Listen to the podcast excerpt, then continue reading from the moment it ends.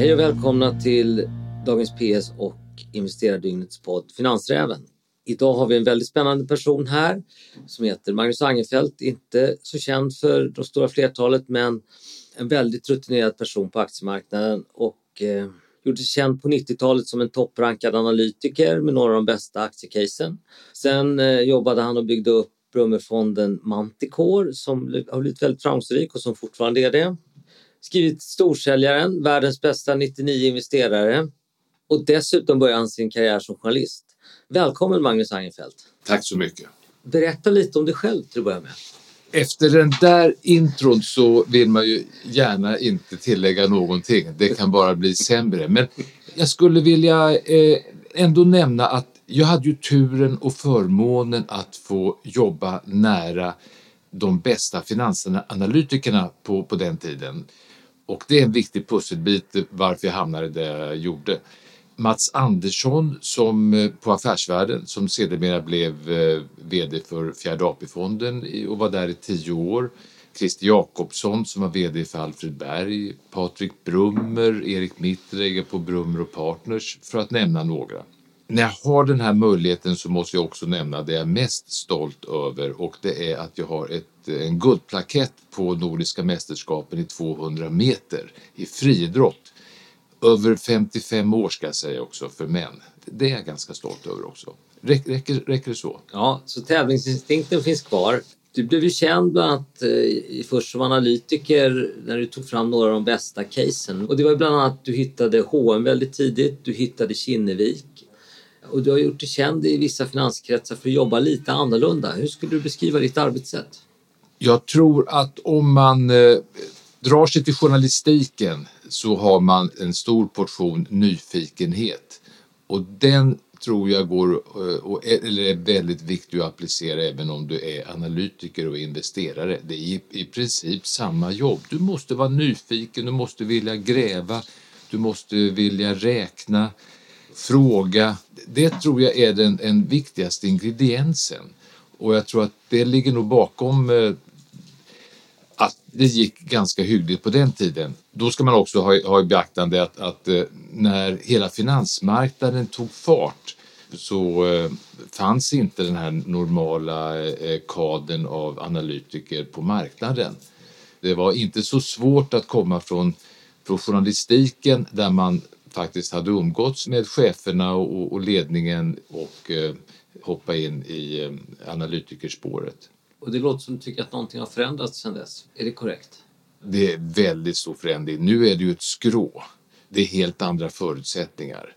På den tiden så kunde man ju med, eh, med samtal och räknande komma fram till saker och vara lite mer unik. Nu är allting väldigt eh, stereotypt. Företagsledningen eh, följer en manual eh, från A till Ö vad man får säga och inte säga du har ingen större fördel av att få träffa högsta ledningen och sitta och samtala för dem för att eh, allt vad de säger det bokförs eh, och eh, de går aldrig utanför ramarna. Om det nu vore så att man som en stor investerare skulle få fördel av att till exempel träffa ledningen så skulle det ju också avspegla sig i avkastningen. Men man kan inte se att de stora investerarna har bättre avkastning än de små trots att de stora får träffa ledningen till exempel. Det är ganska bra egentligen, är det inte det? Ja, absolut. Jag menar, förr i tiden så fick analytikerna ett fax när eh, rapporten anlände medan den lille aktieägaren fick ett brev två veckor senare. Nu får alla informationen samtidigt. Jag skulle faktiskt kunna säga, tycka att, att den lilla aktieägaren har en fördel framför den stora investeraren nu i och med att han har mindre pengar att röra sig med och kan vara snabbare och agera i aktiemarknaden. Så det är helt ombytta roller nu jämfört med tidigare. Hur skulle du beskriva din förvaltarstil? Jag driver ju en hedgefond så vi har alltså både blankade positioner och långa positioner. Om man tittar på de långa positionerna så finns det en akronym som heter GARP, Growth at Reasonable Price och merparten av mina långpositioner de kan man nog få in i den ringhörnan. Företagen växer men det är inte några Picasso-värderingar. Och sen finns det en del andra parametrar som är viktiga. Det ska vara en bra ägare ägare är viktigare än ledning. Dålig ledning kan du alltid flytta på. En ägare kan du inte flytta på. Sen ska det vara kassaflöden och, och, och eh, stark balansräkning i andra parametrar. På kortsidan, eh, som är en annan profession, där tittar jag nästan bara på trender, evolutionära trender. Bara för att förtydliga, kortsidan det är alltså när man blankar, blankar aktier. Ja. Och när du säger då ägare, vill du ha ägare av kött och blod? Funkar även med institutionella ägare? Ja, ägare av kött och blod, det, det är att föredra. Vi har ju faktiskt en kader av bra ägare av kött och blod i Sverige i motsats till en del andra länder. Kan du ta fram någon? Ja, men vi, vi har Benett, eh, Körling, Rune Andersson etc. Det är den typen av eh, ägare som man letar efter. Tar du rygg på någon av dem? Då och då. De gör ju fel som alla andra gör naturligtvis. Men att ha en ägare som kan byta ut ledningen är jätteviktigt. Du startade Manticore och nu har du startat en hedgefond igen. Ja. Varför då? Det var två stycken saker som, som hände som gjorde det för frestande att inte hoppa in igen. För det första så... Varför hoppade du av först då? Manticore var en ganska hygglig fond. Vi blev nominerade som en av de bättre hedgefonderna i Europa under flera år. Men det var alltid några som var ännu bättre än vad vi var och jag blev lite nyfiken på vad de gjorde som inte vi gjorde. Jag hade duktiga kollegor, vi arbetade hårt. Va? Så att jag började kommunicera med några av de här som hade ännu bättre resultat än vad vi hade och då så insåg jag att den här kommunikationen skulle vara väldigt intressant att ta del av även för andra. Och då föddes idén att tänk man kunde skriva en bok om det här. Och det var det som sen blev, efter tre år, världens 99 bästa investerare. Så jag hoppade av för att skriva den här boken. Och att eh, starta en hedgefond igen var inte riktigt på kartan. För hoppa tillbaka igen till anledningen. Det var två saker som hände. Dels så började det här passiva ägandet att segla upp som en, eh, en stor aktör. Det vill säga ETF och indexfonder. Och de svarar nu i USA för över 50 procent och av flödet på börsen så är de till och från bortåt 90 procent. Och det här är ju helt fascinerande utveckling. Plötsligt är den, den största ägaren av aktiemarknaden räknar inte. Bryr sig inte om vilka beslut ledningen tar eller hur ägarna ser ut eller hur kassaflödet ser ut eller balansräkningen. Det är helt fascinerande. Och det här måste ju rimligtvis leda till att det blir massor med felprissättningar. Här har du en kille som spelar fotboll med förbundna ögon. Och det här måste ju öppna upp för eh, felprissättningar som man kan dra fördel av. Och funkar det så? Absolut. Men då borde det vara väldigt lätt att få bra avkastning? Ja, jag tror att historiskt har man, har, ju, har man ju visat på att indexfonderna har levererat bättre avkastning än de aktivt förvaltade fonder. Och det är för att man haft en, en lägre avgift. Nu har det här gapet krympt och jag är helt övertygad om att om vi går framåt i tiden och indexfonderna fortsätter med den här tillväxten så kommer det vara väldigt goda eh, tider för de få aktivt förvaltade fonder som är kvar och, och aktivt förvaltade investerare. Det måste rimligtvis bli så. Men har det inträtt redan nu? Jag tror skärningspunkten det här kommer att komma nu i närtid. Om jag, om jag minns rätt, när jag tittar på siffrorna för något år sedan så, så var de ganska nära. Nu kompenserar en bättre avkastning hos de aktiva förvaltarna den högre kostnaden i princip. Och om det sker i år eller nästa år, jag, jag vet inte. Men den utvecklingen ser jag som eh, ett axiom. Den andra eh, händelsen som inträffat, det är ju teknikens utveckling. Plötsligt så kommer då disruptiva tekniker och affärsmodeller som helt sätter hela branscher och företag eh, eh, ur spel. Och det som är mest på tapeten här på hemmaplan och överallt i världen det är ju detaljhandeln. Men det är ju inte bara den branschen utan det finns många andra branscher som, som kommer utsättas för ett hot. Bilar, finanssektorn etc. Så plötsligt så har du med det här passiva förvaltandet och de här eh, evolutionära trenderna så är hela börsen som ett smörgåsbord av kortmöjligheter, alltså blankningsmöjligheter. Och det gjorde det här lite för spännande för att eh, sitta på avbytarbänken. Okej, okay. din bok om de 99 bästa investerarna, det gav dig ju tre år av möjlighet att studera, kommunicera med de här personerna som sen blev utvalda. Vad var de huvudsakliga takeawaysen från det här? Det jag tyckte var mest intressant det var att eh, Eh, de här 99 investerarna hade i princip eh, 99 olika investeringsstrategier men kunde ändå leverera väldigt bra avkastning. Så det finns alltså inte bara en väg som är den, den alenarådande och, utan det finns så många olika varianter. Vi spaltade upp i, i boken 12 stycken gemensamma nämnare för de här investerarna eh, som de, trots att de hade olika strategier. Och, och de här investerarna har ju eh, levererat någonstans eh, 12 eller 13 procentenheter om jag minns det rätt bättre än motsvarande index i 25 år i snitt. Så att det är en, en fantastisk överperformance. Och då tror man ju att det här måste skett till priset av att man tog högre risk. Men man, man tar alltså lägre risk än investeraren i allmänhet. Det där har jag personligen försökt att ta med mig att, att eh, via lägre risk som man blir framgångsrik. Man ska inte titta på kanske alltid potentialen i en investering utan risken på nedsidan. Den är kanske viktigast. Hmm. Så det för, försöker du tillämpa i din fond som heter Chelonia. Och hur tycker du att det har gått? Ja, det har varit lite guppig resa. Vi blev lite överrumplade av den här eh, coronaviruset måste jag tillstå. Vi var ju dock inte ensamma. Eh, vi var inte alls eh, riggade för den utvecklingen. Så där har vi haft lite kämpigt. En lärdom av den här pandemin är att man kanske ska eh, vara lite försiktig med att lyssna på experter.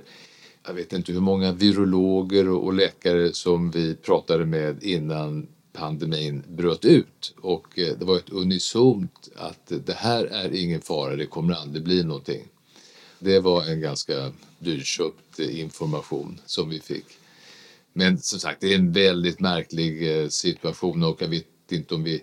Vem hade trott att världens investerare för några månader sedan skulle sitta och punktmarkera dödstal för en italiensk influensa? Det är väldigt absurt. Men där är vi.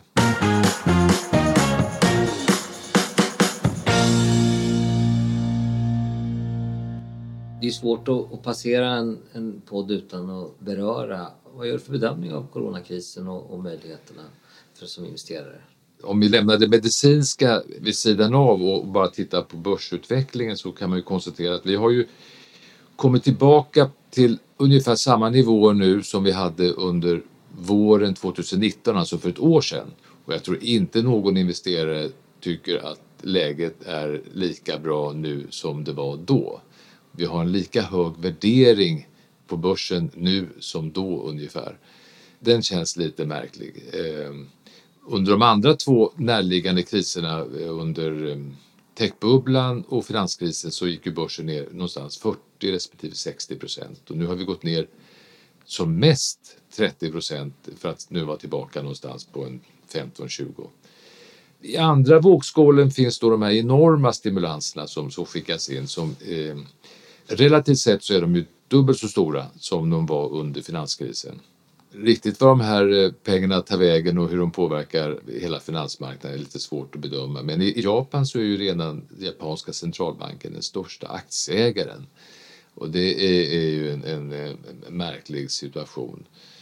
Kniven på strupen så tror jag nog att, att eh, vi inte har sett eh, det värsta ännu. Det jag kan tycka är lite svårt, det är ju ingen som kan räkna på någonting. Så det, det är mera gambling än, än investering. Är det korrekt uppfattat? Ja, nej, det, det är sant. Man får inte så mycket ut för att, för att sitta och räkna på kammaren nu. Jag tror att det är mest algoritmer som kör marknaden till och från och det märker man. Allting eh, går upp lika mycket eller går ner lika mycket. Korrelationen har stundtals varit bortåt 80 procent på aktiemarknaden.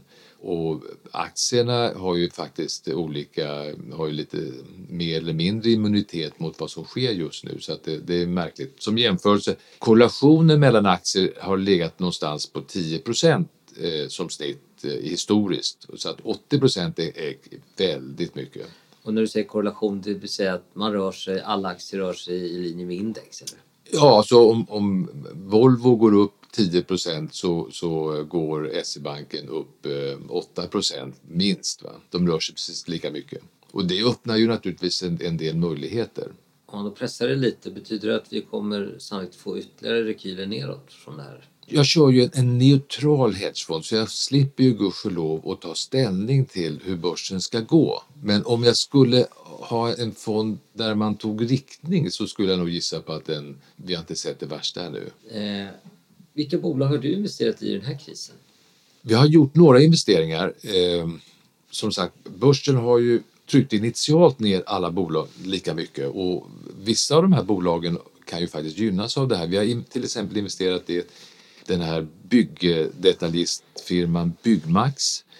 Vi tror att folk är hemma när de nu sitter i karantän så kan man väl snicka lite på sin pergola eller sitt trädäck och, och det var ganska bra eh, beläggning på deras parkeringar som vi har sett. Eh, är du där ute och kollar och ser hur mycket folk det är? Ja, men det är en, en bra spaning att åka runt med bil och se vad, vad folk tar vägen någonstans. På parkeringarna där och även i blomsterträdgårdar har det varit många bilar. Så Byggmax har vi investerat i. Vi har även köpt på oss eh, lite i omsorgsbolag. Ambea, Humana, de också, fick också en halverad värdering initialt och, och visst det kommer ju kosta lite extra med personal och skyddsutrustning och så men i mångt och mycket det är ju businessen är ju ganska oförändrad, i alla fall intäktskällorna. Så där har vi gjort en del förändringar. Är det några ni har dumpat? Ja, vi, alltså, vi har reducerat positionerna i några aktier som, har, eh, som vi räknar med kommer bli ganska eh, illa påverkade av det här. Vi hade, dessutom så hade eh, fonden en stor kortposition i dagligvarusektorn och där var temat att de kommer att få problem med e-handeln vad det lider. Det har vi sett liksom i de, de länderna som ligger före Sverige men här och nu så är ju dagligvaruhandeln en, en vinnare så att de där har vi stängt till exempel. På kortsidan så har vi, har vi även eh, blankat på mera eh, hotellbolag det här kommer liksom inte komma tillbaka till gammal eh, nivå. Man har lärt sig nu att man kan sitta hemma och ha videosamtal. Det är billigare, det är mer effektivt och det är mer miljömässigt. Så vad är det? Scandic, Nissens Pandox? Det är samma typ av bolag men inte de i Sverige utan det har gått utomlands där de har haft lite högre värderingar. Scandic har haft en, en låg relativ värdering jämfört med, med utländska hotellbolag. Hmm. Jag skulle återknyta till det vi pratade om. De flesta tänker att förvaltare är primärt är sådana som sitter på kammaren och räknar och har gigantiska Excel-ark. Och det stämmer säkert i många stycken. Men vad är det bästa från journalistiken som du har tagit med dig som förvaltare? Ja, men det är nog det här vi pratar om, om, om med nyfikenheten. Att hela tiden eh, vilja veta eh, hur saker och ting fungerar och ser ut och vad det kostar och vad är lönsamheten och, och eh, vilka är kunderna och, och allt det där. Det är, tror jag, det viktigaste. Sen är det, är det väl också att man eh, från journalistiken fick man i alla fall initialt med sig att det var liksom inte farligt att, att ringa till chefen utan eh, det gick alldeles utmärkt. Och eh, när man satte sin fot på som analytiker första gången så insåg man att, att kollegorna ringde till informationschefen och inte till vdn och då klart, då fick man inte riktigt den informationen som man behövde klimatet har ju ändrats lite. Eh, det man gör nu det är att man läser eh, och, och pratar eh, med kloka personer, med ledningen ibland, inte så ofta dock, och, och räknar. Det är så det ser ut. Kan du exemplifiera lite mer någon gång när du använder den lite mindre vanliga sättet att angripa problemen? Några bra case som du fick fram på det sättet och hur du tänkte? Som jag nämnde tidigare så på kortsidan i fonden så har vi en, nästan en bombmatta av eh, detaljhandelsbolag. Och eh, där eh, har vi haft lite fokus på varuhus. Och nu i veckan så kastade faktiskt en av våra kortpositioner in handduken, JC Penny i USA, gick i rekonstruktion. Det är lite kul när man har en sån kortposition som går den vägen så är det ju inte alltid. Man kan ju åka på minor. Vi hade ju, tyckte jag, gjort en, en jättebra analys på Kappahl eh, och eh, plötsligt så eh, köper huvudägaren ut dem. Jag tror att de ångrar sig bittert i detta nu för att de gjort det, men, men där och då så kostar det pengar för fonden. Så även om man har rätt så tycker man så kan man ändå få betala för det. Du säger i din bok om förvaltarna att förvaltare är ett av, en av de yrken där man faktiskt bara blir bättre med åren. Och då skulle jag vilja fråga, vad tar du med dig från nuvarande kris som kommer göra dig till en bättre förvaltare? Det skulle nog bli att eh, agera när fundamenta förändras. Oftast är ju, eh, får man ju rådet att sitt still i båten, gör ingenting. Men när eh, fundamenta förändras då måste man agera. Man kan inte, det, det, det är väldigt vanligt att när tsunamin kommer, man sitter still, man sitter på händerna, man gör ingenting. Men här har ju faktiskt vissa branscher tror jag förändrats i grunden eh, för en, en, tid framåt. Vi pratade tidigare om hotellen till exempel. Jag tror inte hotellen kommer tillbaka till de gamla nivåerna. Det var ju en, eh, hotellen var ju till exempel en, en strukturell väldigt eh, populär bransch. Massturismen ökade hela tiden och eh, det blir bara mer och mer resande. Men med eh, nya videotekniken och, och, och eh, reducerat resande, vi kanske lågprisflygen kanske försvinner också så det är inte så lika billigt att resa. Hotellen får förändringar helt enkelt. Och sånt måste man agera på. Och vi har ju ingen aning om hur länge den här krisen kommer att äga rum. Är det, är det så att eh, vi kommer ha nedstängt ett år så kommer till exempel dagligvarudetaljisterna att ha en, en bonanza under lång tid. Och då måste vi stänga ner eh, våra kortpositioner till exempel som har gjort i dagligvarusektorn. Man måste faktiskt agera. Det är nog en, eh, en, en slutsats eh, av det här. Ja, med de kloka orden skulle jag vilja tacka dig Magnus Angerfeldt. Tack så hemskt mycket för att du kom. Tack så mycket.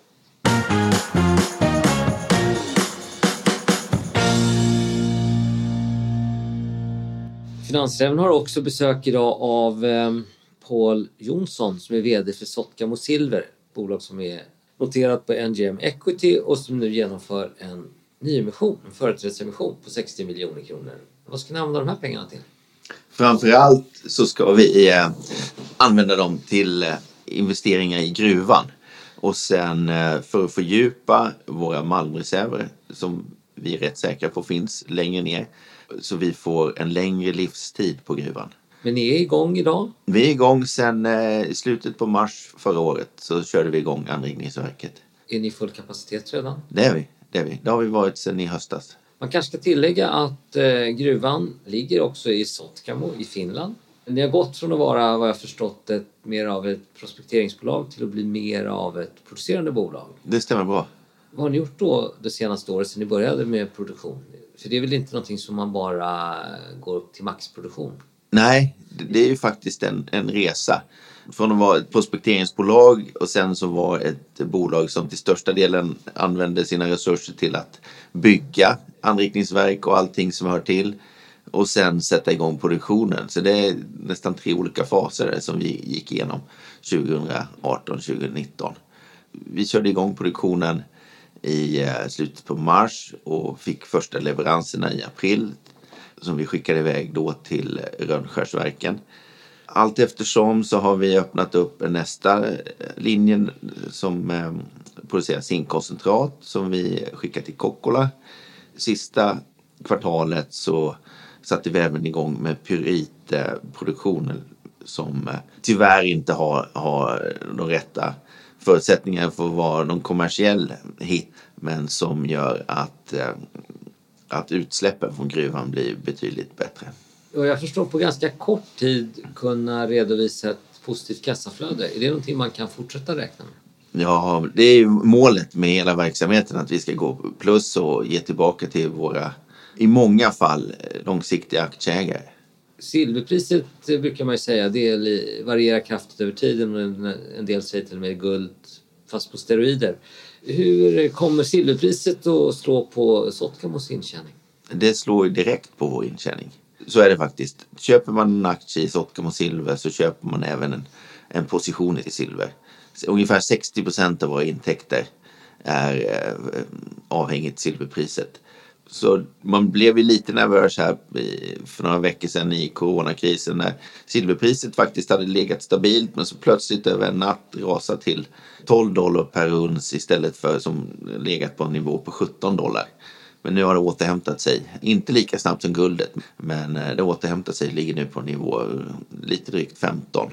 Och de långsiktiga prognoserna eh, som vi har fått från insamlade från banker Eh, visar faktiskt på, eh, på en nivå runt 17. De som eh, gillar silver och kanske också silver framför guld brukar ju framhålla att silver har en underliggande ganska stor efterfrågan eftersom silver används mycket i industriellt bruk och att industriella efterfrågan faktiskt överstiger det som tas upp. Är det någonting man kan säga har över tid kommer att gynnas åt framöver? Över tid så tror jag det kommer göra det. Just när det är sådana här finanskriser så kanske det är mer som sätter pengarna i guld men långsiktigt med den teknikutveckling som vi har med mer elektronik, även mer elektronik i i de eh, vardagsföremål vi använder som bilar, telefoner. Solceller är ju en annan grej där silver används. Egentligen överallt där det finns en elektrisk kontakt så finns det ju silver någonstans eftersom det är en så bra ledare. Med den här ryckigheten i silverpriset så kanske en del som undrar om ni terminsäkrar. Gör ni det? Nej, det gör vi inte. Egentligen så, så beror det på att förr eller senare så, så slår prisförändringen igenom de som säkrar i gruvbranschen nu, de säkrar på väldigt kort sikt, kanske bara den produktionen som de har inne i verken. Och det skulle vi också kunna göra, men, men det slår så lite. Är det en dyr försäkring? Ja, det är dyrt också. Det är Okej, nu tar ni in ungefär 60 miljoner kronor. Och efter det, hur ser eh, det framtida investeringsbehovet ut? Det beror på lite vad vi hittar när vi borrar. Om vi skulle hitta en gigantisk fyndighet riktigt mycket silver längre ner. Då kan det behövas stora investeringar till en början med hiss som fraktar upp malmen istället för lastbilar. Annars är det, det, det, det kostar även att hålla i, hålla i ordning snedbanan ner till eh, produktionsområdena och eh, säkra den. För säkerhet är någonting som vi eh, ser väldigt, som väldigt viktigt. Så all personal har en säker arbetsmiljö. Så det är kontinuerligt små investeringar i gruvan. Ovan mark så kör vi med full kapacitet som det ser ut idag. Det vi kör igång under året, nu har det faktiskt blivit lite försenat på grund av coronakrisen med den här sorteringsmaskinen som ska sortera malmen och ge dels lägre kostnader i gruvan för man behöver inte vara lika noggrann när man bryter malmen förhoppningsvis om, om det här försöket lyckas en högre ingående metallhalt till verket. Vi har sett försök där man ökat den ingående metallhalten med upp till 30 procent. Så att om ni behöver göra ytterligare emissioner så kan man kanske tänka sig att det är från ett positivt perspektiv? Ja, precis. precis det är det. Men och, den eh, sorteringsmaskinen är faktiskt inräknad i den här emissionen. Och om det här försöket lyckas, den försöket i sig är finansierat men sen eh, om det lyckas så är det ungefär en miljon euro som vi behöver investera i ytterligare i de här nya sorteringsmaskinerna. Så vad kan man vänta sig av 2020 då? Som är... Det är både spännande och lite läskig utveckling som är i omvärlden. Men hittills så har vi inte haft några avbrott på något vis beroende på coronakrisen och verksamheten löper på som det ska. Eh, leveranserna eh, till vår, vår kund fungerar som de ska. Så planen är att sakta men säkert driva igenom de förändringarna som vi har planerat med det här sorteringsmaskinsförsöket och eh, optimera produktionen. Vi tackar Paul Jonsson för att du kom hit och berättade lite om silvermarknaden och eh, Sotkava specifikt. Tack! Tack!